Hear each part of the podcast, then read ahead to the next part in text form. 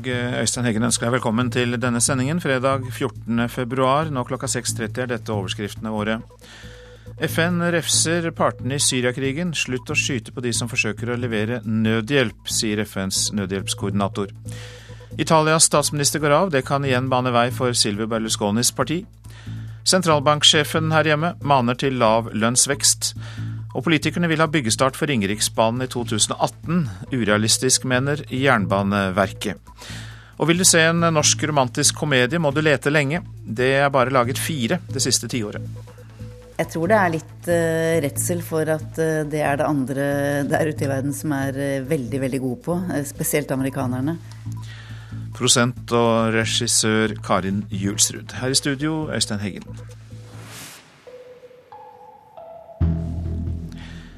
FNs sikkerhetsråd forsøker å enes om en ny resolusjon om Syria. I natt måtte de lytte til FNs humanitære koordinator Valerie Amos, som listet opp behovene og beskrev virkeligheten på bakken i Syria. There's no amount of words that can adequately describe the horrific reality facing civilians in Syria today.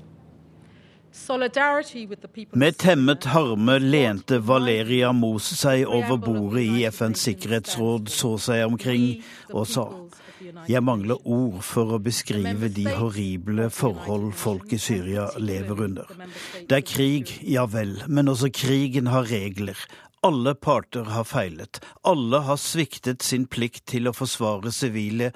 Bistandsarbeidere blir skutt på når de deler ut mat, vi slipper ikke til. Og får ikke syrerne hjelp nå, så dør de. Det var en dristig manøvre å evakuere 1400 mennesker fra Homs den siste uka. Farlig var det også. Men man kan ikke fortsette slik, sa hun. FN hadde ikke annet enn muntlige forsikringer fra begge parter om at det skulle gå bra, men de ble møtt med skyting og måtte vende tilbake før operasjonen til slutt lyktes. Skjønt lyktes er kanskje ikke ordet. 250 000 mennesker til håper de kan slippe ut av den beleirede byen Homs, og det er millioner i hele landet som trenger hjelp. Et forslag til resolusjon er lagt på Sikkerhetsrådets bord av de vestlige land. Russland liker ikke teksten og har laget sin egen. De vil ha med noe om terrorisme i betydningen opposisjonens voldsbruk. Russlands FN-ambassadør regner med at de blir enige. Men som USAs FN-ambassadør spydig la til, ingen resolusjon er bedre enn en dårlig resolusjon. Det sa reporter Tom Christiansen.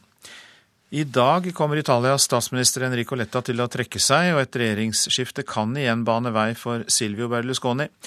Den tidligere statsministeren er eh, riktignok selv utestengt fra offentlig politikk for flere år framover, etter at Høyesterett opprettholdt en dom mot ham. Men hans parti, som trakk seg ut av regjeringen i fjor, kan være på vei inn igjen.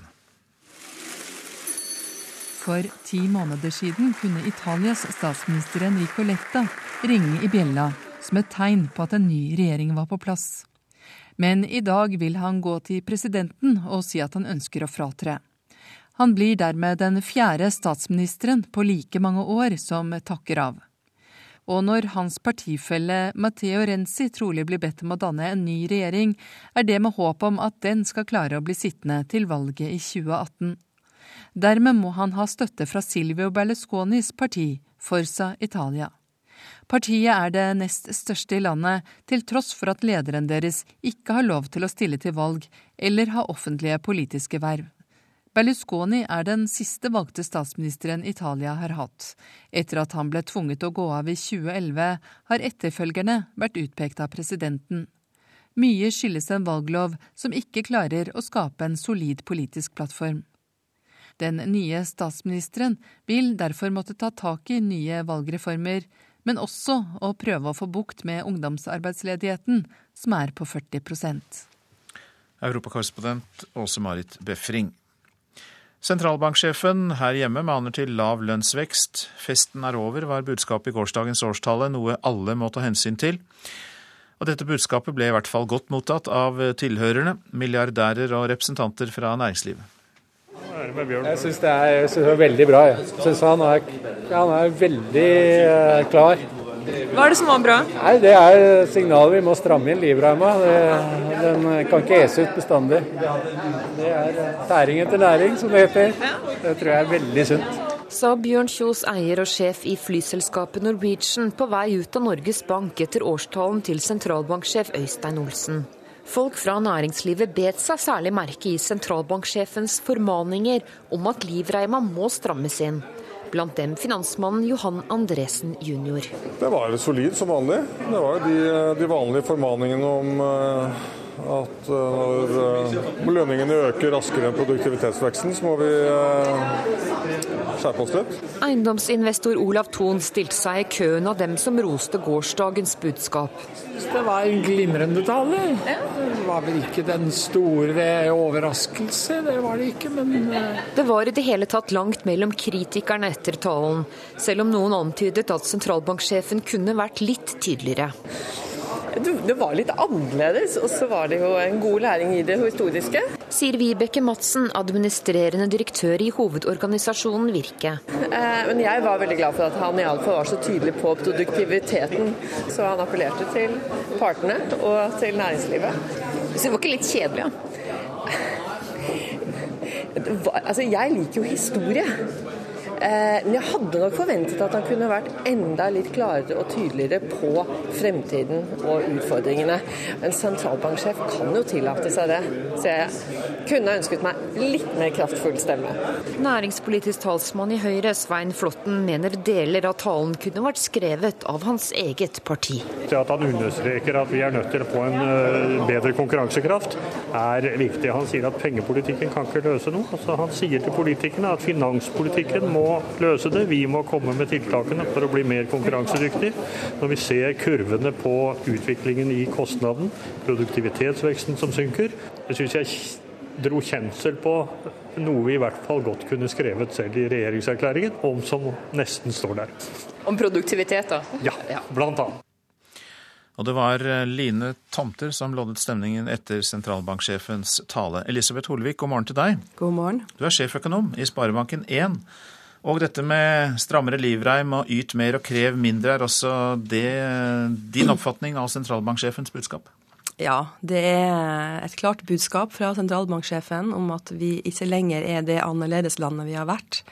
Vi har hatt en helt spesielt god periode i norsk økonomi der vi har kunnet ta ut høy pris på det vi selger, og kunne importere billig fra Kina. Det har gjort at vi i en tid der de fleste land rundt oss har måttet stramme inn etter 2008, så har vi kunnet fortsette å leve godt på lave rente og kraftig stimulering fra oljesektoren. Og den tida er jo nå i ferd med å renne ut. Hvorfor er den det? Ja, Det har flere grunner. For det første så er jo den perioden med svært lave rente forbi. Bankene har jo blitt pålagt mye strengere kapitalkrav. Som gjør at selv om Norges Bank holder lave rente, så er jo lånerenta ut til bedrifter og husholdninger steget pga. disse kapitalkravene. Mm. Og så har jo oljeprisen eh, kommet litt ned, eh, og oljesektoren sliter med høyt kostnadsnivå. Vi ser at bedrifter i Fastlands-Norge er veldig bekymra for det høye kostnadsnivået. Vi har svak konkurranseevne, og da investerer de mindre. Og så tror jeg folk flest er ganske smarte. De får med seg at de gode tidene ikke kan vare. Ingenting kan vokse inn i himmelen. Så folk flest har blitt mer forsiktige. Vi har en veldig høy sparerate, og det er jo fornuftig at folk sparer.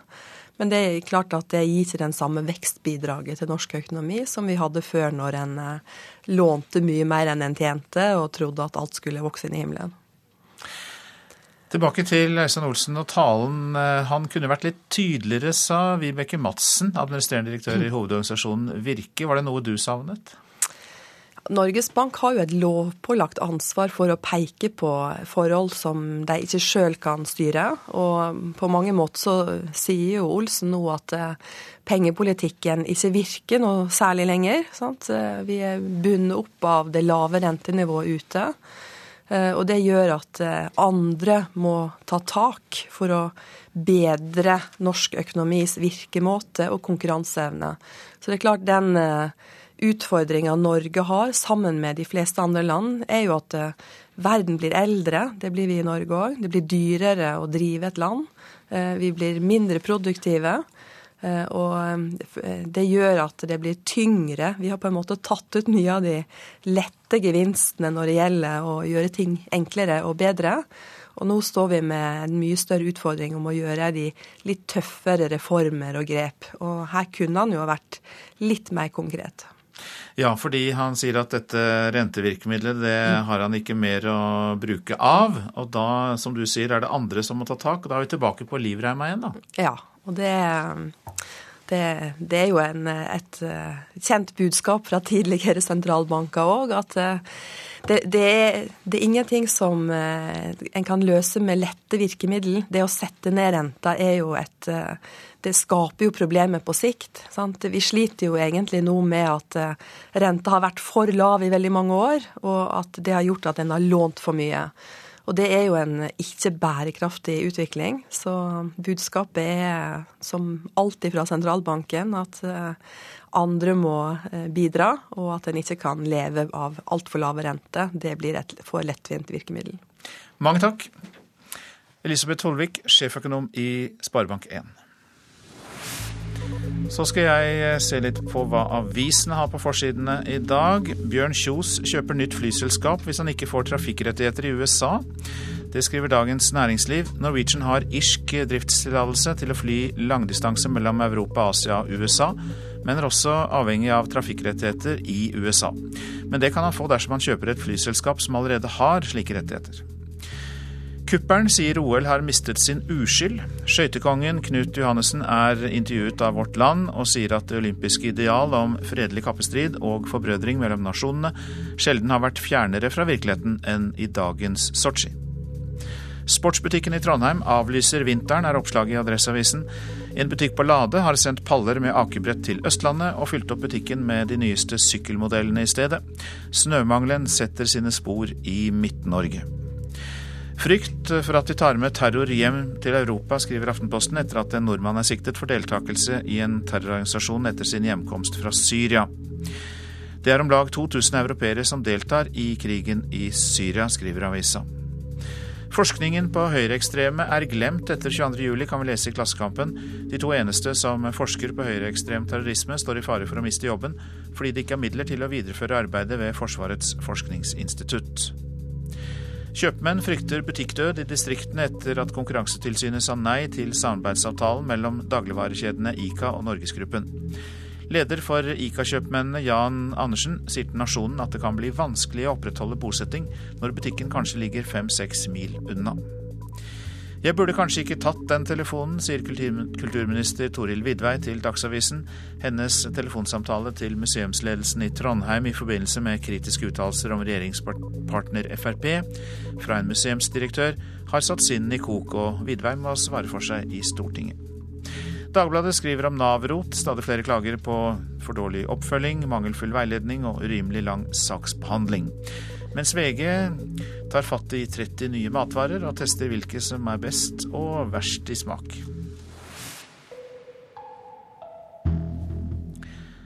Det norske ishockeylaget må um, nok en gang finne seg i å være underdogs uh, når de møter Finland i sin andre kamp i OL-gruppespillet. I går imponerte laget tidvis mot verdensstjernene fra Canada, og Norge må fortsette på samme måte dersom det skal være håp om et godt resultat mot finnene.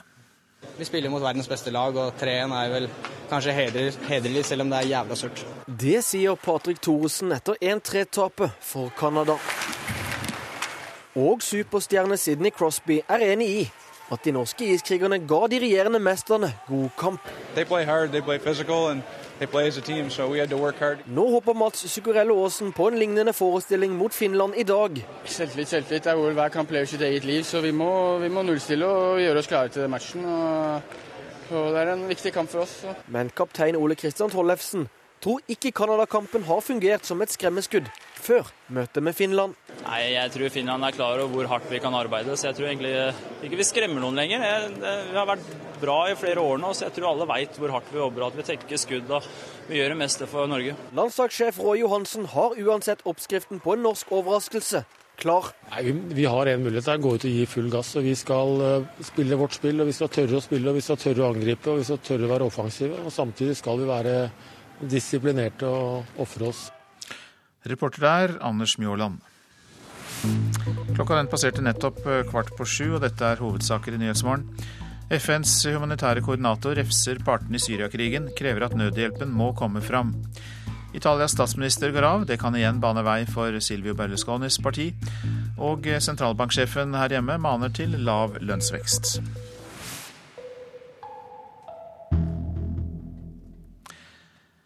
Biskoper har sett seg lei på at eh, de som eh, bytter religion til kristendommen, ikke blir trodd, altså blant asylsøkerne. Biskopene mener Utlendingsnemnda ikke har god nok kunnskap til å vite om en konvertering er reell eller ikke. Og Derfor vil kristne ledere ha vetorett. Flere utlendinger som søker asyl i Norge og oppgir som grunn at de har skifta religion til kristendommen, blir ikke trodd av norske myndigheter på at konverteringa er reell. I flere saker ender det derfor opp med at de utvises. Biskop Tor B. Jørgensen i Sør-Hålogaland bispedømme sier til avisen Dagen at praksisen er urovekkende. Både han og andre kristne ledere mener at Utlendingsnemnda har vist gang på gang at de ikke har nok kunnskap om religion til å vurdere om asylsøkerne virkelig er kristne. Staten må stole mer på arbeidet som gjøres i kirke og menigheter, mener biskopene som denne uka har vært samla i Oslo til bispemøte. De ønsker nå at saker som omhandler returnering av troskonvertitter skal legges på vent til regjeringa har vurdert situasjonen. Det sa reporter Maria Abdli. Den politiske ambisjonen om byggestart for Ringeriksbanen i 2018 er urealistisk, mener Jernbaneverket. De regner med at traseen, som skal kutte reisetida mellom Oslo og Bergen med én time, får byggestart først to år seinere. Nestleder i Venstre, Terje Breivik, er ikke fornøyd med det. Ambisjonen om 2018 må nødvendigvis være mulig, og så må vi jo gjøre det vi kan for at det da blir en realitet. Ja, Vi tror ikke det er praktisk uh, mulig, rett og slett. Lars Kristian Stendal i Jernbaneverket mener det ikke er realisme i det politiske målet om å starte bygginga av Ringeriksbanen i 2018. Etter at Venstre fikk flertall for 100 millioner mer til planlegging, feirer mange raskere oppstart av utbygginga som skal ta et kraftig kutt i reisetida mellom Bergen og Oslo. Følger vi boka helt eh, så vil det bli 2020. Så finnes det, hvis vi er eh, heldige og dyktige, så finnes det noen muligheter som gjør at vi kanskje kan spare ned et år. Det er eh, et eh, veldig vanskelig område vi beveger oss gjennom, med veldig høyt konfliktnivå på både naturmiljø, landbruk, eh, kulturminner og kulturlandskap. Nestleder i Venstre, Terje Breivik, mener den rød-grønne regjeringa må ta ansvaret om arbeidet ikke kommer i gang tidligere.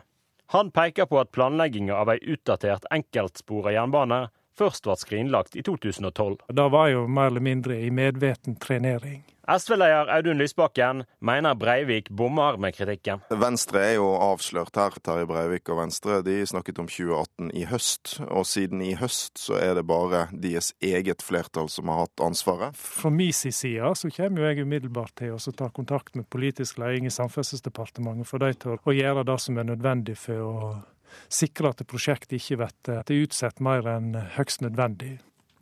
Reporter var Sølve Rydland. Rusmisbrukere som selger, selger gatemagasinet Klar i Kristiansand, blir sjikanert. Grunnen er at prisen på magasinet nylig økte fra 60 til 100 kroner. Nei, Det var på Meny som jeg står fast og har faste kunder på den butikken. Og så kom det en eldre dame og så sier hun at eh, jeg først sa at det var litt dyrt. Og så sier hun at eh, det er vel nok til narkotika nå, sier hun. Det sier Lars fra Kristiansand, som har vært rusmisbruker mellom 30 og 40 år. De siste seks årene har han solgt gatemagasinet Klar, og det var tungt å svelge hintet om at han trengte mer penger til narkotika når prisen på magasinet gikk opp. Nei, Jeg tenkte jeg ble så forbanna at jeg hadde lyst til å ta bladet tilbake, men så kom det flere kjøpere da, så jeg fikk ikke tid til å Men etterpå så ble jeg veldig deppa og det ødela dagen, for å si det sånn. Er du overrasket over at det finnes sånne holdninger blant eh, kundene dine? Ja, jeg er overraska for at eh, de aller fleste kundene har, de veldig eh, De gir meg alltid oppmuntrende ord. Og, så da er de veldig glad for at jeg har kommet på rett kjøl igjen. For hvert eksemplar av gatemagasinet Klar som selges, går 50% i lomma på selgeren, mens 50% går tilbake til stiftelsen. Oddmund Harsvik, som er leder for stiftelsen Klar, sier prisøkningen er vedtatt ene og alene for at deres økonomiske kabal skal gå opp. Jeg tok opp det via gatemagasinet Klar sin Facebook-side. Der fikk vi en enorm respons fra publikum. Bortimot de 3000 signerte gjennom likes og kommentarer og delinger at de støtter opp om gatemagasinet, gatemagasinselgerne. Men hva tenker du om at det faktisk finnes sånne holdninger der ute, som eh, med en gang eh, lager en slags forbindelse mellom økt pris og forbruk av narkotika? Det er trist. Jeg syns bare at det er trist. Men når jeg ser på tilbakemeldingene, de positive tilbakemeldingene vi får, så har jeg bestemt meg for at vi må bare drukne de der i velvilje. Det er ikke bare på gata de tidligere rusmisbrukerne og nå gateselgerne har fått kastet ukvemsord etter seg. Også på internett har flere ytret sin mening om saken. Førsteamanuensis i informasjonssystemer, Øystein Sæbø ved Universitetet i Agder, er ikke overrasket over å høre det. Nei, jeg gjør ikke det. Og Det handler om hvilke, hvordan nettet er bygd opp. Vi vet at det er mye enklere dette med sjikanering når du ikke står ansikt til ansikt med noen. Det blir veldig upersonlig.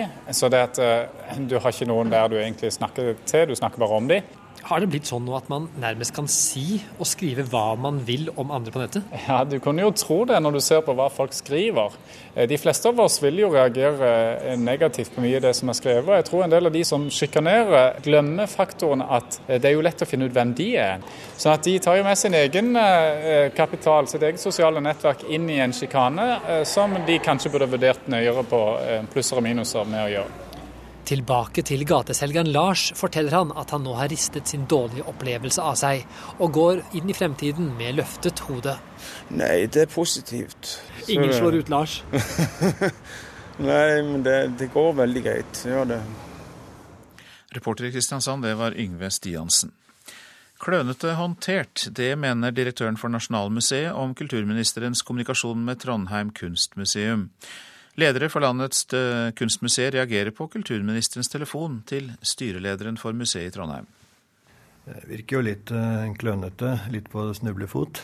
Det ser Audun Eckhoff, direktør for Nasjonalmuseet. Det paradoksale er jo at denne regjeringen har jo nettopp vært opptatt av at man ikke skal legge føringer på kulturinstitusjonene, ikke kulturpolitiske føringer, i samme grad som denne regjeringen mener at den forrige regjeringen gjorde. Så det er jo litt ris til egen pakke i den grad man skal legge noe prinsipielt i dette, da. Men det, det er litt i tvil om man skal. Kulturminister Toril Vidvei har fått kritikk for å ha tatt kontakt med styreleder i Trondheim kunstmuseum om innholdet i vårprogrammet til museet. Etter at hun fikk vite at Fremskrittspartiet ble omtalt som et nasjonalistisk parti i vårprogrammet til museet, tok Vidvei først kontakt med styreleder ved Trondheim kunstmuseum, Rasmus Brottkorp, og deretter Susette Påske, som er styreleder for MIST museer i Trøndelag. Påske sendte så en streng SMS til museumsdirektør Pontus Kiander, der hun kritiserte han for ordbruken i programmet. Kontakten har blitt oppfattet som politiske føringer fra ministeren til Kunstmuseet. NRK har snakka med flere av lederne ved de største kunstmuseene i landet, som mener Vidvei har håndtert saka dårlig. Jeg syns det er en helt utidig innblanding. Det ser Svein Olav Hoff, direktør ved Lillehammer kunstmuseum, som ikke er i tvil om hvordan han ville oppfatte en slik telefon til hans museum. Jeg vil oppfatte det som en korreks, men prinsipielt så mener jeg at uh, en kulturminister ikke har uh, noe med å legge seg opp i en uh, selvstendig institusjons utstillingspolitikk. Jeg har ikke gitt noen instrukser til styret som de skal gå videre med. Og Det må jo på det sterkeste ta avstand ifra. Jeg har prøvd å skaffe meg informasjon om hva denne saken egentlig dreier seg om. Det svarer kulturminister Toril Vidvei på kritikken fra museumslederne. Hun skjønner ikke hvordan kommunikasjonen hennes til styrelederen kunne oppfattes som korreks. Nei, i grunnen ikke. Men jeg ser at det, når jeg ser hva slags dimensjoner denne saken har gjort, så ser jeg at det skal veldig lite til for at det egentlig blir en stor sak. Men eh, det har aldri vært meninga mi. Direktør for Nasjonalmuseet, Audun Eckhoff, er ikke bekymra for politiske føringer for regjeringa på hans jobb framover. Han tror kulturministeren har lært av all merksomhet som kom av saka. Jeg regner vel med at den stormen som har kommet nå, vil jo sikkert eh, være en alvorlig lærepenge for alle typer kommunikasjon som kan virke som om det eh, legger noen føringer på ytringsformer og sånn. Reporter her, det var Kristin Forland. I dag er det valentinsdagen, på norsk også kalt Alle hjerters dag. Og Har du lyst til å markere det ved å se en norsk romantisk komedie, så er ikke det så lett. Det er få å velge mellom. Siden 'Kvinnen i mitt liv' ble en suksess høsten 2003, er det kun blitt laget fire norske filmer innen denne sjangeren. Det kunne godt vært flere norske romantiske komedier. Det kunne kanskje vært lurt å måtte utvide litt av sjangerne vi lager, da. Savner du romantiske komedier på kino? Ja, absolutt. Det er alltid, alltid gøy, det. Svarer tre tilfeldig spurte på gata i Oslo. For eh, norske romantiske komedier er en sjelden vare. Dere skal få bryllup, dere skal få barnebarn. Nei! Jo! Nei! Høsten 2003 ble 'Kvinnen i mitt liv' med Thomas Gjertsen og Ane Dahl Torp en stor suksess. Likevel viser en opptelling NRK har gjort, at bare fire av de 270 norske filmene som er laget siden den gang, har vært romantiske komedier. Den seneste må vi hele sju år tilbake for å finne, da Mars og Venus hadde premiere på nettopp valentinsdagen. Det er eh, sannsynligvis et veldig stort publikum der. Så hvorfor produsenter og regissører og manusforfattere velger å ikke gå dit, det er jeg litt forundra over, faktisk. Mener regissør Per Olav Sørensen, som snart har premiere på den romantiske musikalen Ta meg med, basert på Halvdan Sivertsen og Jan Eggums sangunivers. Kjærligheten er for alle. Alle er for kjærlighet. Han mener det brede publikum har for lite å velge mellom. Det er uh, mye for barn, det er uh, mye action. Men den der eh, brede flaten av bred voksen romantikk, eh, den er veldig, veldig eh, få filmer av. Ja, på en måte så er jeg helt enig med han i det. Det hadde vært veldig gøy hvis vi hadde blitt gode på den sjangeren her hjemme. Sier produsent og regissør Karin Julsrud. Jeg tror det er litt uh, redsel for at uh, det er det andre der ute i verden som er uh, veldig, veldig gode på. spesielt amerikanerne. Så jeg tror det handler mye om redsel, og jeg tror ikke at ikke vi kan. Men jeg syns heller ikke det er så rart at ikke så mange har forsøkt. så har det også vært et par forsøk som ikke har vært helt vellykket. og da blir man jo selvfølgelig litt skremt. Sørensen tror også at det i filmbransjen er lite kredibelt å lage slike filmer. Jeg tror definitivt at det er litt kred å gjøre det. Det er ikke Julsrud helt enig i. Vi jobber faktisk eh, i dag med i hvert fall to eh, filmprosjekter i den sjangeren. Eh, vi har ikke gjort det før på den måten, men, eh, men eh, la oss si det sånn at vi håper at vi i hvert fall lykkes med ett av de prosjektene og får det opp stå om ikke så altfor lenge. Karin Julsrud til reporter Christian Ingebretsen. Så var det værvarselet. Fjell i Sør-Norge. Sørøstlig periodevis sterk kuling utsatte steder. I kveld liten kuling. Snøbyger. Østafjells på kysten liten kuling. Skyet vær. Regnbyger. Snø i høyden. Rogaland sørlig til dels stiv kuling på kysten. Regnbyger. Snøbyger i høyereliggende strøk. Hordaland og Sogn og Fjordane sør og sørøst sterk kuling utsatte steder. Fra i ettermiddag sørøstlig periodevis liten kuling. Ved Stad sørvest stiv kuling. Regnbyger, snøbyger i høyereliggende strøk. Møre og Romsdal og Trøndelag sørøst liten kuling utsatte steder. Fra i ettermiddag sørvest stiv kuling på kysten av Sunnmøre. I grensetraktene utrygt for snø, litt regn på Sunnmøre, ellers opphold. Helgeland, Saltfjellet, Salten og Ofoten. Sørøstlig sterk kuling utsatte steder. I formiddag minker det til liten kuling. Litt snø i grensetraktene, ellers stort sett opphold. Lofoten og Vesterålen sørøstlig periodevis liten kuling, stort sett oppholdsvær. Troms sørøstlig stiv kuling utsatte steder. I kveld minker det til liten kuling, ellers rolige vindforhold i Troms. Litt snø i indre strøk, ellers opphold og sol.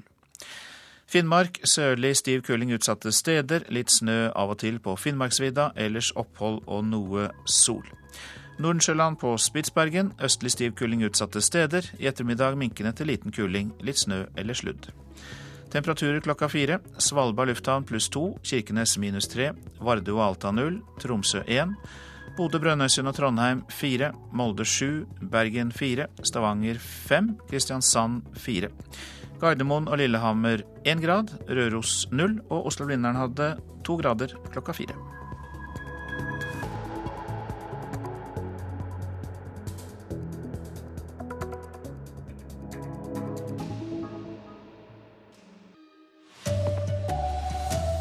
Mange barn sikres altfor dårlig i bil.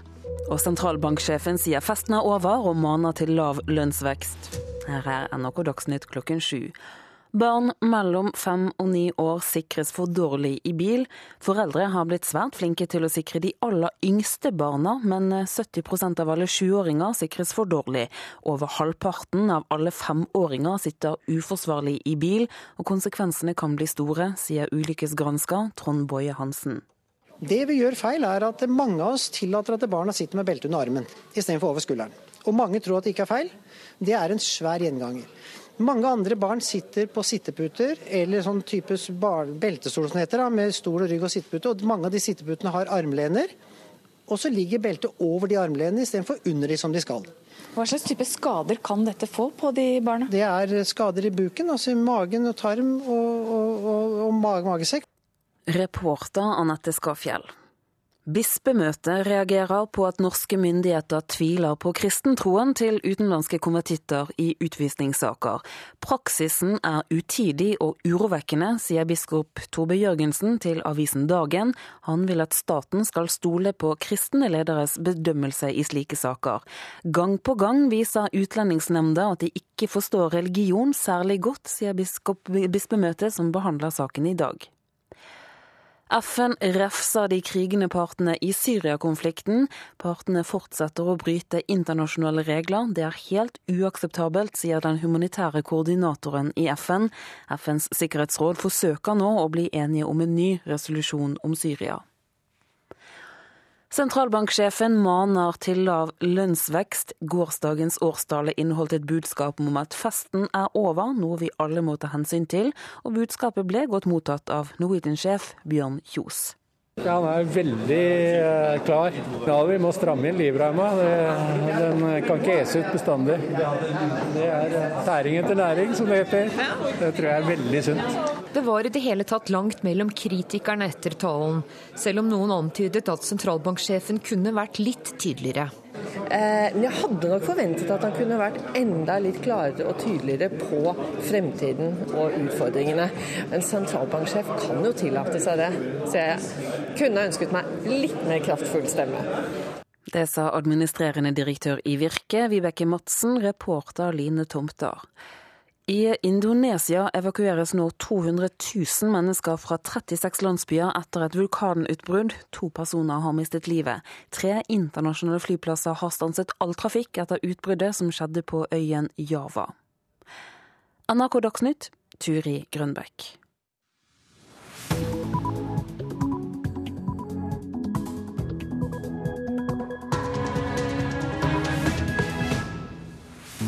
Nyhetsmorgen fortsetter med disse sakene. Norge er ikke godt nok forberedt på å ta imot de som kommer tilbake fra krigshandlinger i Syria, sier justiskomiteens leder Haja Tajik. Fortsatt usikkert om dommen i saken mot Joshua French blir kunngjort i dag. Det pågår etnisk rensing i Den sentralafrikanske republikk, mener FN. Og som å bygge båt på åpent hav, det sier han som skal lede gjenoppbyggingen av Lærdal etter brannen.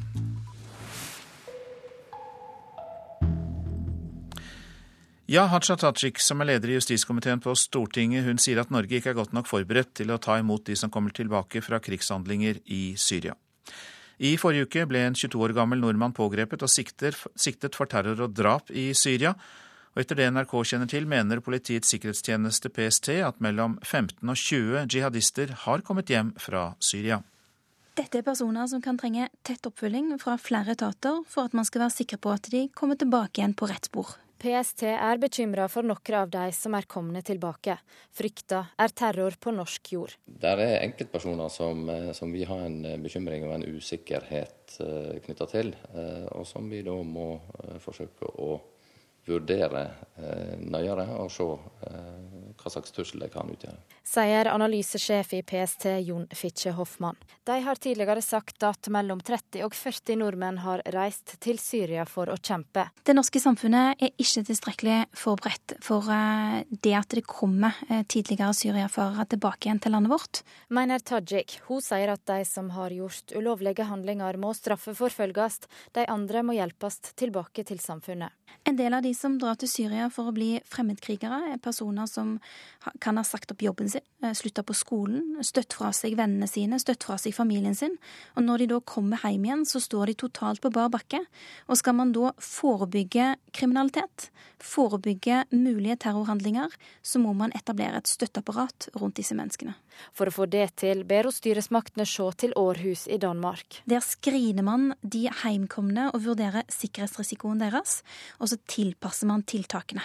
Det betyr at man bruker eh, eh, politi, psykolog, sosialtjeneste, skole, fritidsaktiviteter. Man bygger et apparat rundt den enkelte, og ikke minst så sørger man for at hver enkelt bør knytte til en mentor som de kan identifisere seg med, og som bærer positive verdier og kan være et forbilde for den enkelte. Vi kikker til andre land for å se om det er ting vi kan eh, lære av dem. Mm, er det noe du vil vurdere? Det er ting som vi løpende vurderer. Sier justisminister Anders Anundsen. Vi er ganske godt forberedt, men vi vil aldri være godt nok forberedt på den typen eh, situasjoner som er ganske nye for oss. eh, Særlig når det er ganske mange det kan være snakk om. Jo, PST har jo anslått at det er eh, flere titall som har reist til Syria. Og etter hvert så er det naturlig å tro at en del av de da kommer tilbake. Reportere her Eirin Årdal og Tormod Strand. Terrorekspert Magnus Ranstorp har stor tro på den modellen som blir brukt i Århus i Danmark. Han mener det er viktig å ha et godt hjelpeapparat som kan tre inn etter at politiet har fanget opp personer som er kommet tilbake etter krigshandlinger. Altså, problemet dag er at utover at polisen eller sikkerhetspolisen blir involvert, så finnes det ikke noen innsatser generelt sett. I alle fall ikke strukturert. Og det er ganske generelt over, over hele Skandinavia på lokal nivå. Og Da må man finne et sett å forebygge, for denne konflikten kommer å pågå minst i ti år till. Ranstorp mener man allerede ser at visse personer kan utgjøre et sikkerhetsproblem. Han vil derfor anbefale modellen som er brukt i Århus. Jeg tror at generelt generellt sett så tror jeg det skulle være velegnet eh, den norske modellen. Det handler jo om visse verktygen å støtte familier, støtte positivt eh, de her individene. Men ofte bryter disse kontakten med sin egen familie og sitt eget nettverk før de reiser ned. Hvordan kan man vite at eh, mentorordningen blir opprettholdt? Ja, altså det, er jo två steg egentligen. Eh, Dels er det jo så att eh, det finnes jo folk som kan har tenkt og funderat på å åka ned. og då, må man sette inn säga, insatser. Men sen er det jo så eh, har, har de vært nede, må PST eller Sikkerhetspolisen komme inn for eh, se at de, de ikke er en, terrorfare. terrorfara. Derfor er det viktig å sette i gang tiltak med en gang, mener Ranstorp. Han tror utviklingen vil øke de kommende årene. Vi har aldri sett så mange fra ulike europeiske länder åke ned og anslutte seg. Og det er ikke bare menn, utan det kvinner också kvinnor som, eh, som åker ned. Så att det her kommer ikke til å forsvinne, det her problemet. Reporter det var eh, Marie Roksund. I dag skal etter planen dommen i saken mot Joshua French falle i Kongo. Men i går meldte den kongolesiske advokaten til French at dommen igjen kan bli utsatt. Siden rettssaka starta i Ndolo-fengselet i begynnelsen av januar, har den vært preget av utsettinger. Tolkeproblem, Forsenkinger. og mangel på pauser. I august i fjor ble Kjostol Moland funnet død på cella si. Både kongolesisk og norsk etterforsking konkluderte med at det ikke lå noe kriminelt bak Molands død. Likevel ble det tatt ut tiltale mot French i desember i fjor. I løpet av rettssaka har Joshua French blitt kalla løgner og drapsmann. Representanter fra Kripos har blitt nekta å vitne, og deretter fått lov å vitne Jeg likevel. må gå, beklager, jeg får prøve å snakke. Påkjenninga har vært enorm for den allerede dødsdømte norske fangen i Kongo.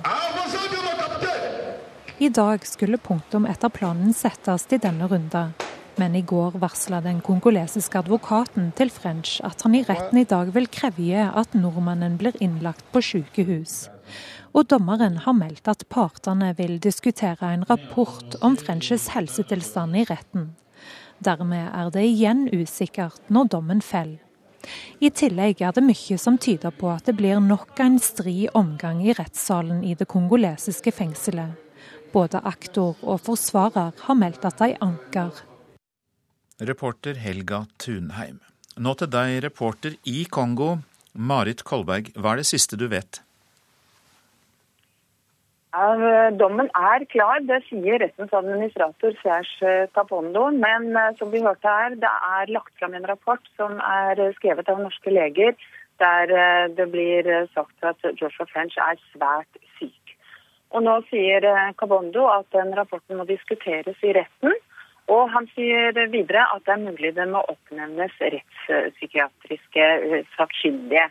Og som vi hørte, Marie Andrea Moila, som er eh, Frenchs eh, kongolesiske advokat, sier at han vil kreve overføring til eh, sykehus i dag.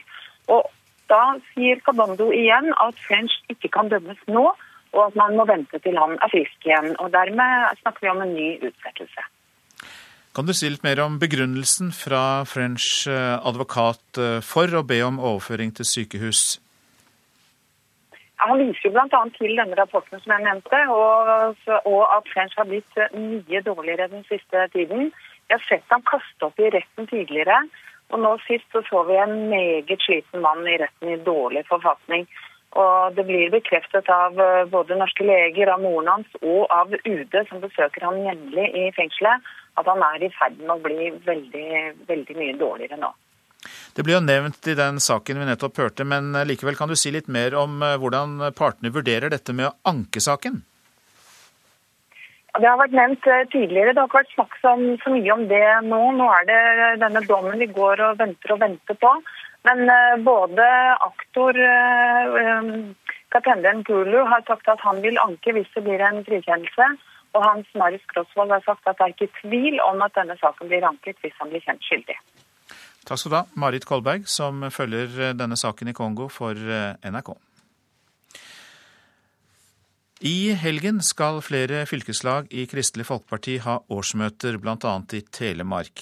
Der er det ulike oppfatninger av om reservasjonsretten for fastleger har gagnet partiet eller ei, men fylkesleder Dag Sele er ikke i tvil. Han er også fastlege i Bø i Telemark, og er fornøyd med avtalen KrF har gjort med regjeringen. Ja, jeg opplever at eh, vi i Telemark eh, KrF er veldig fornøyd med den eh, avtalen som vi har med regjeringa. Både med det gjennomslaget som vi har fått for viktige saker for oss, og ikke minst for den gode dialogen vi har med sittende regjering. Som fylkesleder og fastlege i Bø, så er du jo midt oppi denne debatten om reservasjonsretten. Har det gagna eller har det skada partiet? Som fylkesleder så er det mitt inntrykk at den saken er, en god sak for KrF, som viser at KrF eh, kjemper for eh, bl.a. for samvittighetsfriheten. Og Jeg tror det er en sak som folk syns det er naturlig at KrF eh, legger stor vekt på. Ved siste årsskifte var det 1128 medlemmer i Telemark KrF. I løpet av fjoråret forsvant 114 medlemmer av ulike årsaker, mens 30 meldte seg inn.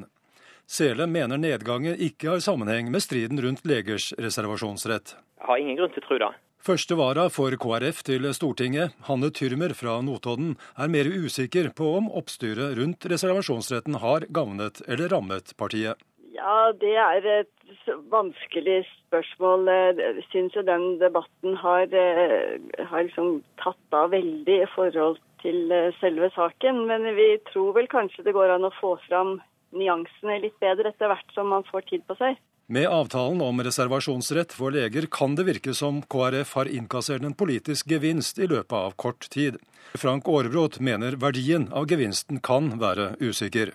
Ja, det er jo her problemet ligger. For den betydeligste gevinsten, og det var jo den eneste ut av, hvis vi ser på den såkalte sonderingsavtalen, så er jo denne særavtalen der Venstre ikke vil være med, der bare Kristelig Folkeparti støtter regjeringen, det dreier jo seg nettopp om reservasjonsretten. Så reservasjonsretten er jo den tydeligste KrF-seieren. Men hvis Høyres lokalpolitikere fratar KrF den seieren, så må jo KrF svare med et eller annet. Kan ikke bare sitte stille og finne seg i at Høyre går fra avtalen. For det ville være oppfattet som veldig svakt, tror jeg også blant kristenfolket. Så det vil nok være en forventning til at KrF skal reagere på noe som de er nødt til å oppfatte som et avtalebrudd. Frank Aarebrot hørte vi der, professor i sammenlignende politikk ved Universitetet i Bergen. Reporter Børre Karterud Dette er Nyhetsmorgen, og der er klokka kvart over sju. Vi har disse hovedsakene. Norge er ikke godt nok forberedt på å ta imot de som kommer tilbake fra krigshandlinger, krigshandlinger i Syria, sier justiskomiteens leder Haja Tajik. Bispemøtet reagerer på at norske myndigheter tviler på kristentroen til utenlandske konvertitter i utvisningssaker. Praksisen er utidig og urovekkende, sier biskop Tor B. Jørgensen. Og det er fortsatt usikkert om dommen i saken mot Joshua French blir kunngjort i dag.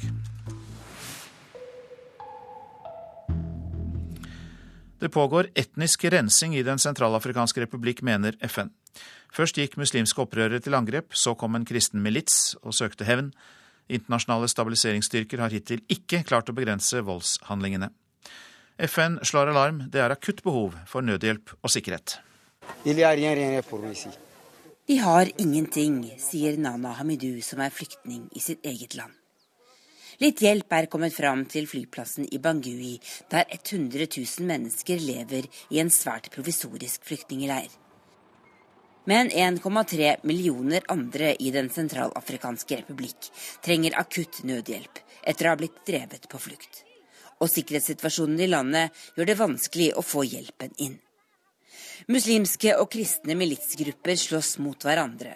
Og som vanlig er det de sivile som lider aller mest. We need a massive response. It, it is in terrible conditions, and it's absolutely. Forholdene her er fryktelige. Vi trenger en massiv respons fra verdenssamfunnet, både nødhjelp og ikke minst sikkerhet, sier FNs høykommissær for flyktninger, Antonio Guterres. Den afrikanske union og Frankrike har sendt 7000 soldater til landet. Men de klarer heller ikke å opprettholde sikkerheten. EU godkjente på mandag å sende en fredsstyrke, men så langt har bare ett land, Estland, sagt seg villig til å stille med fattige 55 soldater. Norge bestemte denne uka å bevilge 60 millioner kroner i akutt nødhjelp. Utenriksminister Børge Brende understreker at det haster veldig å få inn hjelpen. Og Norges bidrag eh, mener jeg er viktig, andre bør følge etter. Men FN har jo bare fått inn 13 ja, Det er det jeg har spurt om, og det er jo det som har også opprørt meg. og Det er derfor nå også da regjeringa går ut såpass tidlig på året med å si vi starter iallfall med å gi 60 millioner, og håper at andre kommer etter. Utenriksminister Børge Brende, reporter Tove Bjørgaas. God morgen, seniorforsker Morten Bøås. Du arbeider ved Norsk utenrikspolitisk institutt. Hvor går skillelinjene i konflikten i Den sentralafrikanske republikk? Ja, altså, Det er ulike skillelinjer her, men også det vi ser nå først og fremst, er eh, en eh, sekterisk konflikt mellom eh, den kristne majoriteten og den muslimske minoriteten, som blir stadig mer dramatisk dag for dag, fordi at ingen klarer å fylle dette sikkerhetsvakuumet som har oppstått. Og disse militsene som nå herjer, disse kristne, disse såkalte antibalaka-militsene, er militser som oppsto ganske spontant som følge av eh, herjingene til denne Seleka-militsen eh, tidligere i år og i fjor.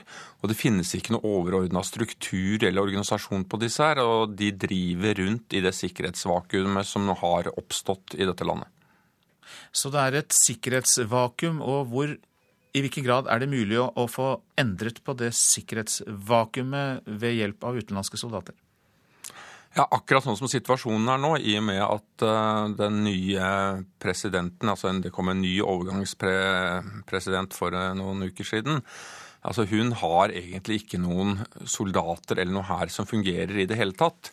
Så de eneste som nå, i hvert fall på kort sikt, kan klare å stabilisere sikkerhetssituasjonen her, er styrker som kommer utenifra.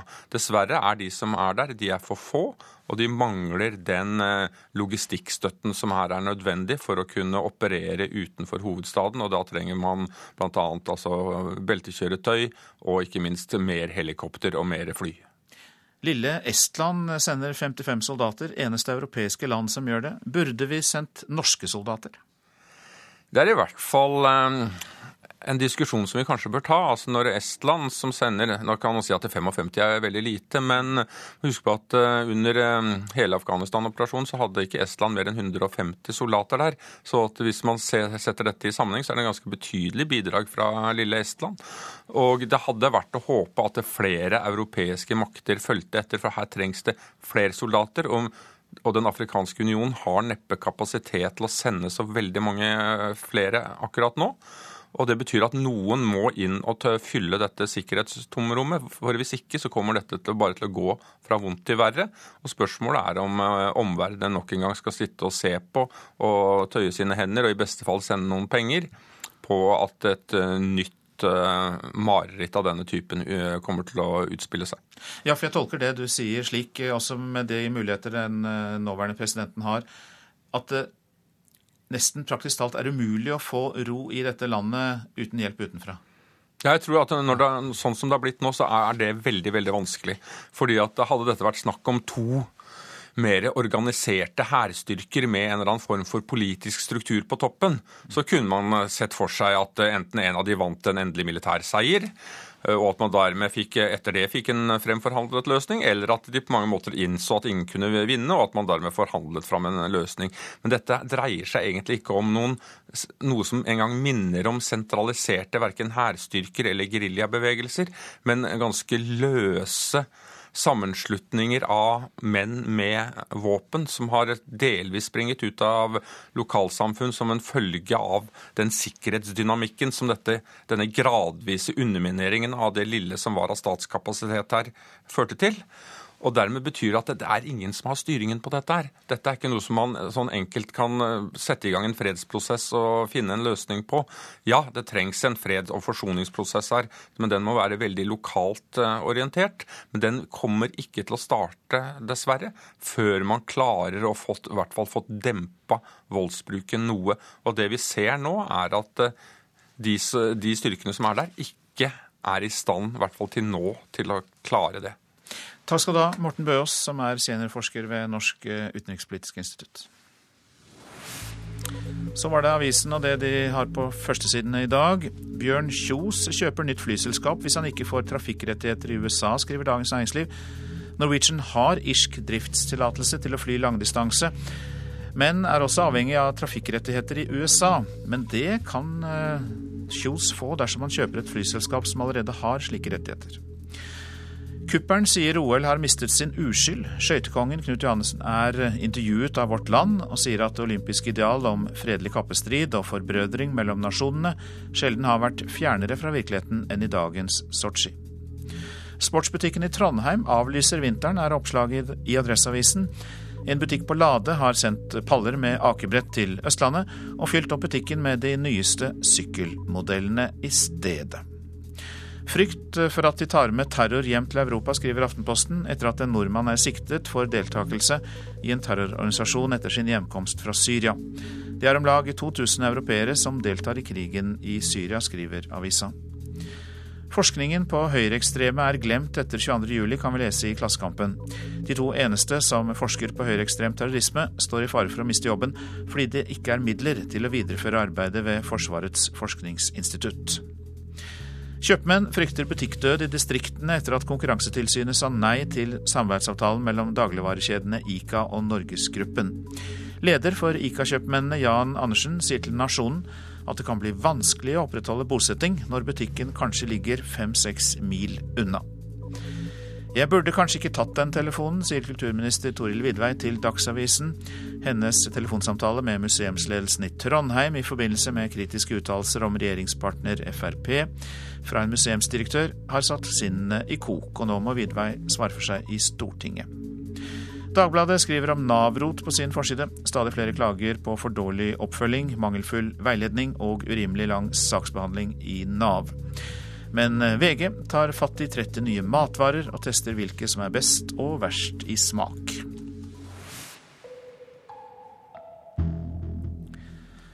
Å gjenreise Lærdal etter katastrofebrannen blir som å bygge båt på åpent hav. Ja, det sier Jan Ølkers, som skal lede arbeidet. Kommunen kommer til å trenge enorme summer fra staten for å greie det. I går startet det politiske arbeidet i det første kommunestyremøtet etter storbrannen. Ønsker jeg velkommen til kommunestyret i Lærdal. Lokalpolitikerne var samla til kommunestyret i Lærdal i går, for første gang siden storbrannen raserte 40 bygninger for knapt en måned siden. Der begynte det politiske arbeidet med attreising. Pensjonert fylkesrådmann Jan Ølkers er henta inn som prosjektleder. Jeg har brukt et bilde som at dette er å bygge båt på havet med få håndverkere og med lite penger. Og jeg tror det er et godt bilde på hvilken situasjon vi er i i dag. Og vi får håpe at eh, vi greier å bygge hele båten slik at ikke vi ikke går til bunns. Hvorfor er det eh, så vanskelig som du beskriver det? Nei, Vi har ikke penger. Vi, vi vet ikke helt uh, hvordan vi skal gripe dette an. Og det er veldig mange oppgaver som henger i hop med hverandre. Og det skal fungere i forhold til at uh, Lærdalssamfunnet skal så fort som mulig tilbake til uh, normalt virke igjen. Kommunen har bedt om skjønnsmidler fra Fylkesmannen og ei ekstraløyving på fem millioner fra Kommunaldepartementet i første omgang. Men det er langt fra nok, sier ordfører Jan Geir Solheim. Det er utfordrende å få alle disse midlene på plass, tror jeg. Det ligger mye politikk i det. Og dyrt blir det. Det er helt sikkert. Men er det helt umulig å anslå en sum hva dette kan være snakk om? Ja, det er faktisk helt umulig. Men i mars vil de ha totalprislappen for attreisinga. Det håper de staten vil betale i revidert nasjonalbudsjett. Men først trenger de pengene fra kommunalministeren. Nei, Den er vi helt sikre på å få, det kan ikke være tvil. Og Det kommunalministeren sa var jo at storsamfunnet stiller opp når eh, kommuner er råka, og det, vi er sterkt råka. Så jeg har stor tillit og stor tro til at vi får det vi trenger. Reporter i Lærdal var Erlend Blålid Oldeide. Vi er flinke til å sikre de aller minste barna i bil, men når barna blir litt eldre, så slurver vi med belter og sikkerhetsutstyr. Det har ført til at svært mange barn i alderen fem til ni år får mage- og tarmskader i bilulykker på norske veier. Siden jeg logga meg på i dag til, jeg har fått sju nye følgere og fem nye beskjeder, ser jeg. Så det er stadig aktivitet der. Blogger og tobarnsmor Mari Hø fra Ådalen er levende opptatt av sikring av barn i bil. På Facebook har hun en egen gruppe med nesten 4000 følgere. Interessen fikk hun i 2007 da eldstemann ble døpt og de fikk et barnesete i gave. Hun var usikker på om det framovervendte barnesetet var bra nok. Da hun oppdaget at det var lite informasjon å få om sikring av barn i bil, tok hun saken i egne hender, for hun mener at mange foreldre gjør feil. Jeg har sett barn som har blitt sikra på teppe, antageligvis istedenfor å bruke en beltestol eller pute. Eh, barn som blir satt på fang etter besteforeldre. Fire barn i en toseter. Mye rart. Fra 1999 til i fjor ble 136 barn drept eller hardt skadd i trafikken. Det viser tall fra Statistisk sentralbyrå. Vi har blitt flinke til å sikre de aller yngste. Men for hvert år barnet blir eldre, blir også sikringen i bil dårligere. Tall fra Trygg Trafikk viser at over halvparten av alle femåringer er sikret feil i bil. Jeg ser lite slurv hos, hos foreldre. Tror det er uvitenhet. Ulykkesgransker Trond Boje Hansen har jobbet i ambulansetjenesten i Oslo i 40 år. Han har forsket på trafikkulykker der barn er involvert. Når han blir tilkalt, er det ofte barna i alderen fem til ni år som er hardest skadd. Det vi gjør feil, er at mange av oss tillater at barna sitter med belte under armen istedenfor over skulderen. Og mange tror at det ikke er feil. Det er en svær gjenganger. Mange andre barn sitter på sitteputer eller sånn type beltestol som heter, med stol og rygg og sittepute. Og mange av de sitteputene har armlener. Og så ligger beltet over de armlenene istedenfor under de som de skal. Hva slags type skader kan dette få på de barna? Det er skader i buken, altså i magen og tarm og, og, og, og magesekk, fordi beltet ligger under armen og opp på magen, eller beltet ligger over armlenene og opp på magen. Der har de fleste skadene vært. Noen flere spørsmål. Det er bl.a. noen som jobber i barnehage som lurer på hva kan vi gjøre når vi ser uh, foreldre som ikke sikrer barna i bilen. Her har jeg også skrevet at ta det opp med de foreldra det gjelder så har Trygg Trafikk et opplegg som de kaller Trafikksikker barnehage. Og der anbefaler de bl.a. at eh, trafikksikring eller bilsikring er noe man tar opp på foreldremøte. Heldigvis har ingen barn mistet livet i bil de siste åra på Østlandet. Men når 70% av alle sjuåringene er feil sikret, bør foreldrene følge med. Og bloggeren fra Ådalen kommer til å fortsette nettsiden sin i mange år til. Barna er det kjæreste vi har, og vi får bare én sjanse. Hver gang vi kjører bilen, så må vi gjøre det riktige valget. Reporter her var Anette Skafjell. Du lytter til Nyhetsmorgen. Narkoballader som hyller drap og overgrep fra narkobaroner er blitt populære i USA og Mexico. Mer om dette skremmende fenomenet etter Dagsnytt. Prosent for Nyhetsmorgen, Eli Bieland. Her i studio, Øystein Heggen.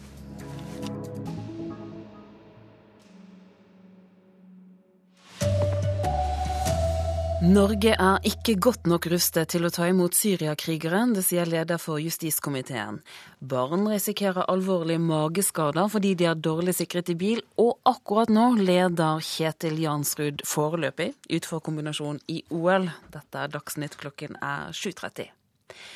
FN refser de krigende partene i Syria-konflikten. FNs sikkerhetsråd forsøker nå å bli enige om en ny resolusjon om Syria. Imens fortsetter partene i Syria å bryte internasjonale regler. Det er helt uakseptabelt, sier den humanitære koordinatoren i FN. Med temmet harme lente Valeria Mos seg over bordet i FNs sikkerhetsråd, så seg omkring og sa jeg mangler ord for å beskrive de horrible forhold folk i Syria lever under. Det er krig, ja vel, men også krigen har regler. Alle parter har feilet. Alle har sviktet sin plikt til å forsvare sivile. Bistandsarbeidere blir skutt på når de deler ut mat, vi slipper ikke til. Og får ikke syrerne hjelp nå, så dør de. Det var en dristig manøvre å evakuere 1400 mennesker fra Homs den siste uka. Farlig var det også. Men man kan ikke fortsette slik, sa hun. FN hadde ikke annet enn muntlige forsikringer fra begge parter om at det skulle gå bra, men de ble møtt med skyting og måtte vende tilbake før operasjonen til slutt lyktes. Det sa reporter Tom Christiansen. Norge er ikke godt nok forberedt på å ta imot de som kommer tilbake fra krigshandlinger i Syria. Det sier Hadia Tajik, som leder justiskomiteen på Stortinget. Forrige uke ble en 22 år gammel nordmann pågrepet og siktet for terror og drap i Syria. Etter det NRK kjenner til, mener PST at mellom 15 og 20 jihadister har kommet hjem fra Syria. Dette er personer som kan trenge tett oppfølging fra flere etater for at man skal være sikker på at de kommer tilbake igjen på rett spor. PST er bekymra for noen av de som er kommet tilbake. Frykta er terror på norsk jord. Det er enkeltpersoner som, eh, som vi har en eh, bekymring og en usikkerhet eh, knytta til, og som vi da må forsøke å vurdere nøyere og se hva slags trussel det kan utgjøre. Sier analysesjef i PST Jon Fitche Hoffmann. De har tidligere sagt at mellom 30 og 40 nordmenn har reist til Syria for å kjempe. Tajik mener at Norge ikke er godt nok budde på å ta imot de som kommer tilbake. Hun sier de som har gjort ulovlige handlinger må straffeforfølges, de andre må hjelpes tilbake til samfunnet. For å få det til ber hun styresmaktene se til Århus i Danmark. Der screener man de heimkomne og vurderer sikkerhetsrisikoen deres, og så tilpasser man tiltakene. Det betyr at man bruker eh, eh politi, psykolog, sosialtjeneste, skole, fritidsaktiviteter. Man bygger et apparat rundt den enkelte, og ikke minst så sørger man for at hver enkelt bør knytte til en mentor. Sånne gode ideer tar vi alltid med oss eh, inn i de videre prosessene. Sier justisminister Anders Anundsen. Vi er ganske godt forberedt, men vi vil aldri være godt nok forberedt på den typen eh, situasjoner som er ganske nye for oss. Eh, særlig når det er ganske mange det kan være snakk om. Det er jo, PST har jo anslått at det er flere titall som har reist til Syria. Og etter hvert så er det naturlig å tro at en del av de da kommer tilbake. Reportere Eirin Årdal og Tormod Strand. I Indonesia evakueres nå 200 000 mennesker fra 36 landsbyer etter et vulkanutbrudd. To personer har mistet livet. Tre internasjonale flyplasser har stanset all trafikk etter utbruddet på øyen Java. Skyen etter vulkanutbruddet kunne ses på ni kilometers avstand.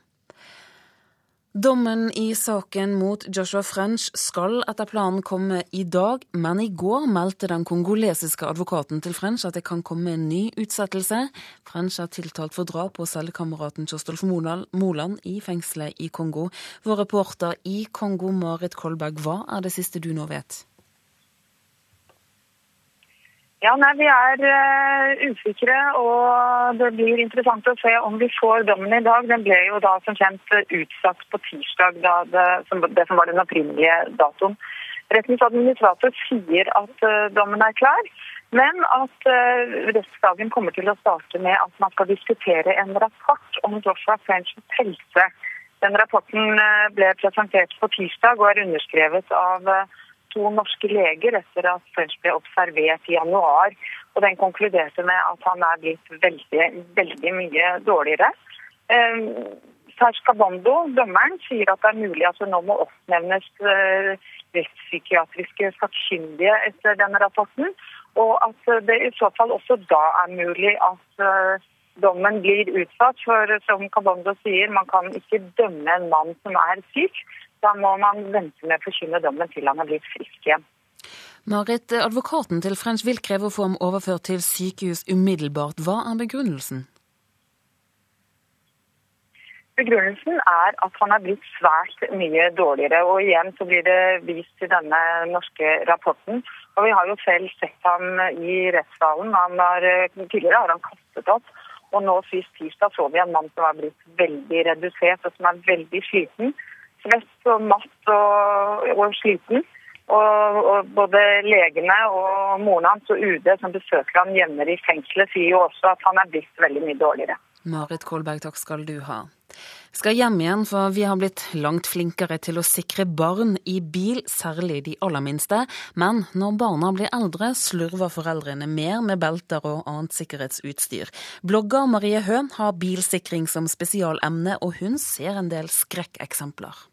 Jeg har sett barn som har blitt sikra på teppe, antageligvis istedenfor å bruke en beltestol eller pute. Eh, barn som blir satt på fang etter besteforeldre. Fire barn i en toseter. Mye rart. Fra 1999 til i fjor ble 136 barn drept eller hardt skadd i trafikken. De har blitt flinke til å sikre de aller yngste. Men for hvert år barnet blir eldre, blir også sikringen i bil dårligere. Tall fra Trygg Trafikk viser at over halvparten av alle femåringer er sikret feil i bil. Jeg ser lite slurv hos, hos foreldre. Tror det er uvitenhet. Ulykkesgransker Trond Boje Hansen har jobbet i ambulansetjenesten i Oslo i 40 år. Han har forsket på trafikkulykker der barn er involvert. Når han blir tilkalt, er det ofte barna i alderen fem til ni år som er hardest skadd. Det vi gjør feil, er at mange av oss tillater at barna sitter med belte under armen istedenfor over skulderen. Og mange tror at det ikke er feil. Det er en svær gjenganger. Mange andre barn sitter på sitteputer eller sånn type beltestol som heter, med stol og rygg og sittepute. Og mange av de sitteputene har armlener. Og så ligger beltet over de armlenene istedenfor under de som de skal. Hva slags type skader kan dette få på de barna? Det er skader i buken, altså i magen og tarm og, og, og, og magesekk, fordi beltet ligger under armen og opp på magen, eller beltet ligger over armlenene og opp på magen. Reporteren var Anette Skafjell. Akkurat nå kjører de mannlige alpinistene utfordelen av superkombinasjonen i OL i Sotsji. Andreas Toft og Marius Arnesen følger rennet. Vi skal høre litt fra NRK-sendingen nå. I Dagsnytt eh, for å fortelle hva som skjer. Og dette er altså superkombinasjonen ja, i eh, Sotsji, der Kjetil Jansrud fra Norge leder foran eh, Ondrej Bank fra Tsjekkia. Og Alexander Aamodt Kilde er nummer fire, 61 hundredeler eh, bak Marius Arnesen. Her er det sterk kjøring av de norske gutta. Det er det absolutt med Jansrud eh, og Makidde og Svindal, som ligger meget eh, godt an. De aller beste, antatt beste har ikke kjørt ennå, men dette ser lovende ut for at det blir en meget spennende slalåmkonkurranse senere i dag. Den eh, største favoritten sammen med Ted ligger til Alex Pantirot fra Frankrike. Han har nettopp vært utfor og er så mye som 2,44 bak før slalåmkonkurransen. Så det er veldig mye i forhold til å skulle ta igjen på én slalåmomgang som altså kjøres seinere i dag. Og akkurat nå så ser det lyst ut for de norske gutta. Det kommer et par sterke løpere nå på rekke og rad. Du kan følge oss og høre oss på nettradio og på NRK eh, DAB, så skal du få med deg den spennende avslutninga på dette utforrennet der. Altså Kjetil Jansrud leder foran Bank Maier og Alexander Aamodt Kilde. Vi sier takk til Andreas Toft og Marius Arnesen. Og mens de herrene kjører utfor, altså alpinistene, så holder det norske curlinglaget nå på med å spille mot den regjerende olympiske mesteren, Canada. Den sjette av ti omganger er straks over. Canada leder nå 3-2 over Norge i curling. Ansvarlig for denne sendingen fra Dagsnytt var Bjørn Christian Jacobsen. Det er eh, Lars Tronsmoen som har ansvaret for alt som handler om teknikk. Her i studio, Turi Grønbekk.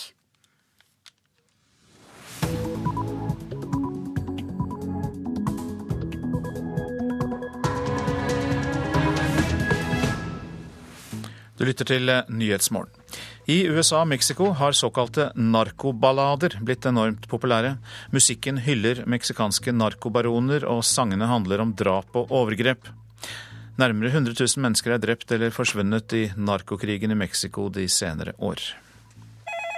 Ahora sí, compa Ghost. What do you want me to put in your song? ¿Qué calibre carga? Una 9 milli. 9 milli, all right.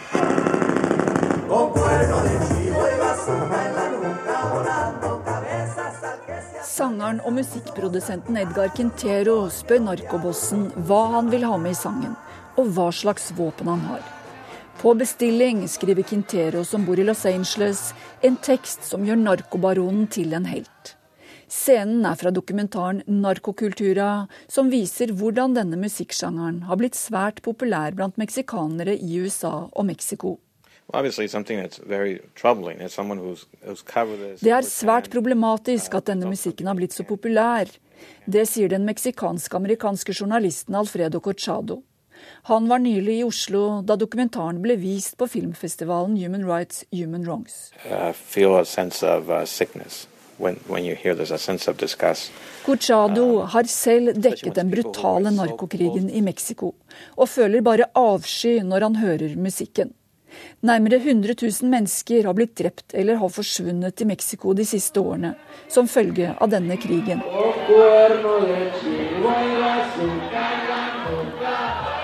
På et dansegulv i El Paso i USA, helt på grensa mot Mexico, danser folk til Edgar Quinteros band mens de synger. Og dette er teksten de synger. Med et automatgevær og en rakettkaster på skulderen kutter jeg hodet av den som kommer i min vei. Vi er blodtørstige, gale, og vi liker å drepe.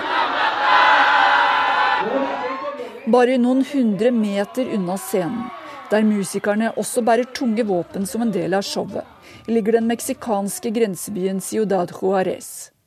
Inntil nylig ble den betegnet som verdens ubestridte drapshovedstad. I 2010 ble over 3000 personer drept. 97% av drapene ble aldri etterforsket. I Mexico har de forbudt musikken, men det hjelper fint lite.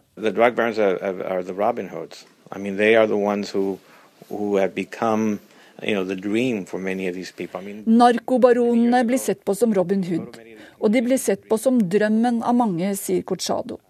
Han forteller at for mange år siden var drømmen å jobbe i USA.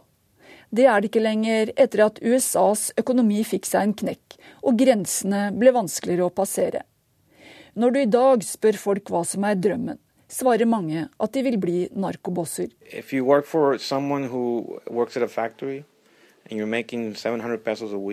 Hvis du jobber på fabrikk og tjener rundt 1000 pesos eller 500 kroner uka, og så ser du at naboen kjører rundt i store biler og har de vakreste kvinnene, da er det mange som tenker Kanskje det er noe jeg burde gjøre også, forteller Cochado. Men dette er ikke en ufarlig bransje. Dette skal være et av de siste intervjuene med gruppa Combo Colombia. For litt over et år siden ble 17 medlemmer av bandet funnet drept i en brønn.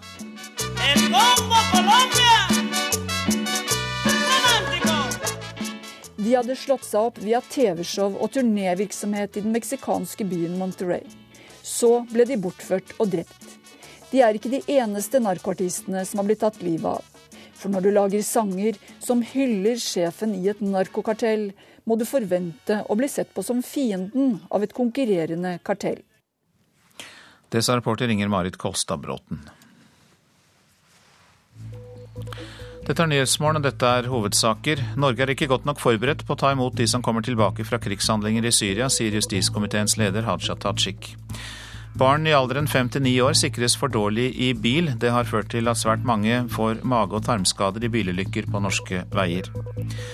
Bispemøtet reagerer på at norske myndigheter tviler på kristentroen til utenlandske konvertitter i utvisningssaker. Praksisen er utidig og urovekkende, sier biskop Tor B. Jørgensen. Og nå er det straks tid for Politisk kvarter.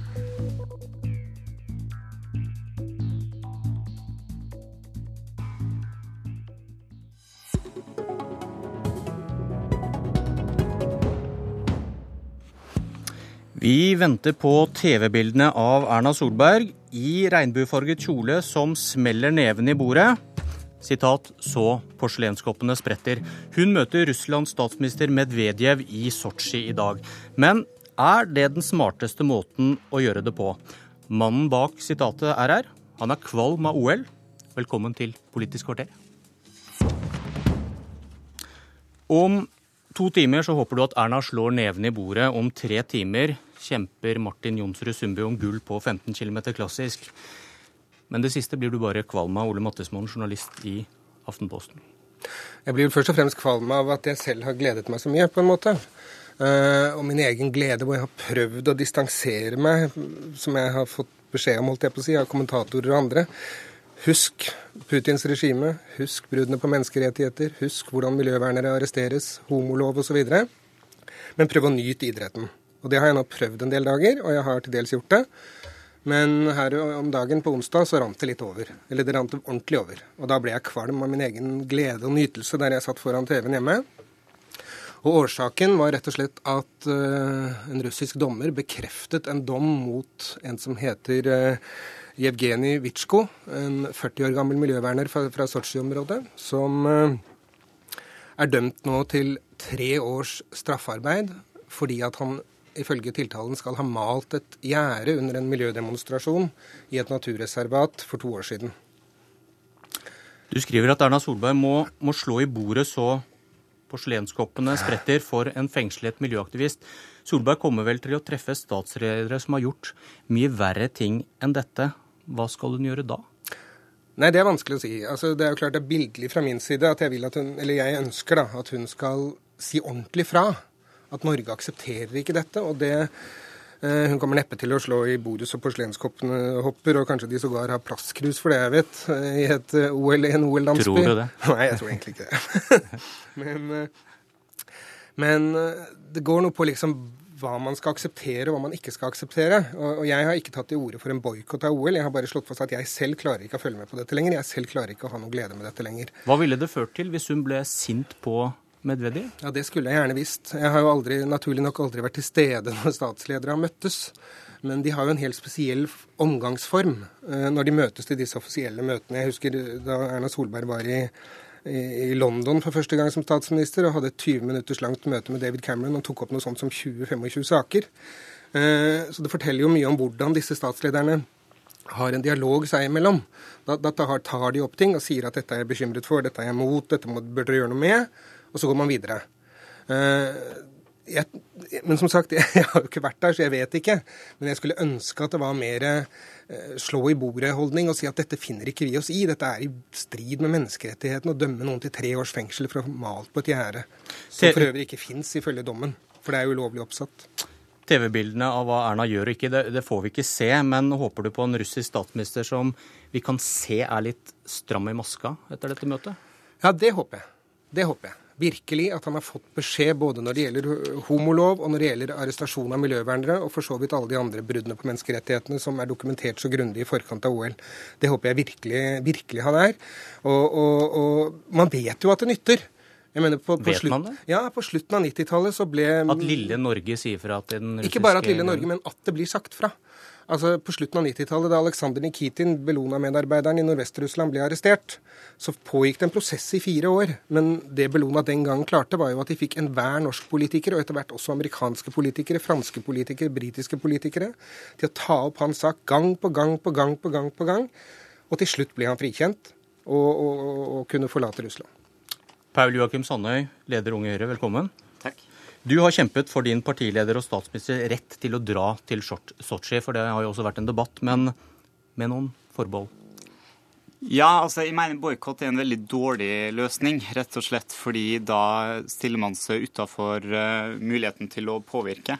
Men hva bør hun gjøre i dag? Om tre timer?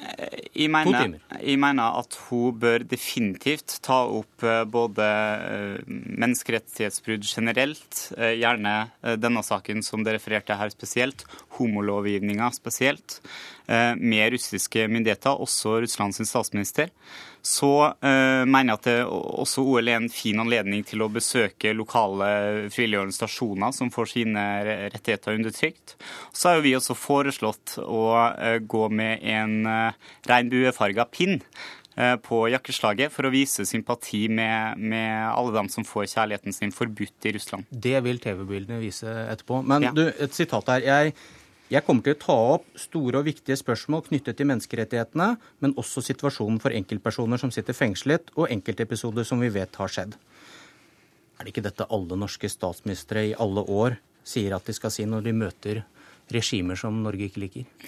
Ja, men jeg, jeg, mener at vi de siste åtte årene har sett en viss servilitet når det kommer til menneskerettighetsspørsmål. Jeg mener vi har vært litt for lite tøffe i menneskerettighetsspørsmål. Hvordan skal Erna Solberg vise at hun er noe annerledes enn Jens Stoltenberg? Eh, jeg tror, altså Hvis, hvis stats, eh, statsministeren til en vinterolympisk stormakt som Norge f.eks. går med en regnbuepinn på jakka, så vil det vekke oppsikt, ikke bare i Norge, men også Eh, internasjonalt. Eh, så er jeg helt enig altså, at det er en del viktige dilemmaer her også. Jeg, jeg mener man skal si tydelig fra, men det er klart strekker man strikken for langt, særlig med ekstern kritikk, så kan man risikere å bli stengt ute fra disse møtene med statslederne og, og miste den kanalen til å si fra. Men Russland er en menneskerettighetsbruddsgrossist. Russland er en bølle, eh, og jeg tror de fleste av oss lærte i skolegården hvordan man skal hvordan bøller skal få, få, fortsette å bølle rundt. Og det er dersom ingen sier ifra. Eh, og da mener jeg at eh, det er ikke alltid behagelig å si ifra. Det kan alltid få negative konsekvenser. Men er det noen som skal tørre å gjøre det, så er det nettopp lille, liberale, rike, uavhengige Norge. Og Derfor er jeg veldig glad for at Erna Solberg har varsla at hun ikke bare drar til Sotsji for å heie på eh, OL-helter, men også for å sette skapet på plass. Mattismoen, utenriksminister Brende skriver i din avis i dag at Norge skal jobbe mer systematisk og effektivt med menneskerettigheter. Vi skal jobbe gjennom FN. Det høres, vel også ut som noe alle norske regjeringer alltid har sagt? Ja, det føler jeg har, eh, har hørt i mange år. Eh, både utenriksminister og statsministre og hele UD-systemet har jobbet for menneskerettigheter og, og, og gjennom FN-systemet. Men det skal bli spennende å se. Du, får, du, må nesten spørre han om hva som ligger i en klarere og tydeligere profil. Men. Vi får se om vi får øye på det i dag mens vi venter på TV-bildene fra Sotsji. Takk, Ole Mattismoen. Du får jobbe når alle andre ser på OL i dag. Paul Joakim Sandøy. Du er som vi hørte fornøyd med din egen regjering i denne saken. Vi skal til en sak der jeg tror du er misfornøyd.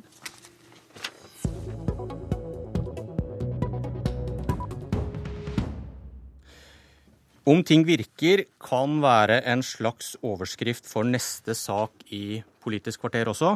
Forsøksordningen med stemmerett for 16-åringer blir trolig videreført ved neste lokalvalg, var beskjeden fra kommunalministeren i går. Har forsøkene vist at det virker, Tord Hustveit, leder i Unge Venstre? Ja, det vil jeg absolutt si. Eh, og jeg vil bare begynne med å takke Høyre for at de ønsker å videreføre det forsøket her. Det er vi veldig, veldig fornøyd med. Ikke din sidemann. Nei, men eh, han får ta, ta skryten, da. Eh, og det, det, gir en mulighet til å skaffe mer kunnskap. Og så gir det også en mulighet for flere til å delta i demokratiet. Og for Venstre så har det vært viktig å uh, utvide demokratiet, gi nye grupper stemmerett. Uh, og det er jeg glad Venstre har hatt den rollen. Eh, og 16-åringer er gamle nok til å dømmes etter landets lover. Og da burde de også ha den retten til å velge folk som kan være med å påvirke hvordan landet skal styres. Men forsøket bidro ikke til økt engasjement blant de unge. Da siterer jeg han som har eh, skrevet forskningsrapporten.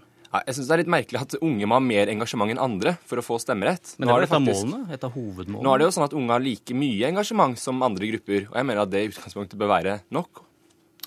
Valgdeltakelsen blant disse 16- og 17-åringene var høyere enn blant tradisjonelle førstegangsvelgere, og leder i Unge Høyre, Paul Joakim Sandøy, er du imponert over resultatene, eller, eller, er det uvesentlig for en som er mot i utgangspunktet? Nei, altså Vi må, må gjerne ha flere prøveprosjekt, og, og, det er for så vidt fint at Unge Venstre ser på det som en uh, seier og er glad for det. Jeg er ikke redd for prøveprosjekt, men jeg er grunnleggende skeptisk til å senke uh, stemmerettsalderen til 16 år. Uh, og hvis vi ser på det forrige prøveprosjektet, så er det helt riktig som du sa. Det fikk ikke opp det politiske engasjementet og den politiske interessen blant de mange. Hvorfor ikke? Nei, det er jo fordi at dette er en forsøk på en quick fix på en veldig kompleks utfordring.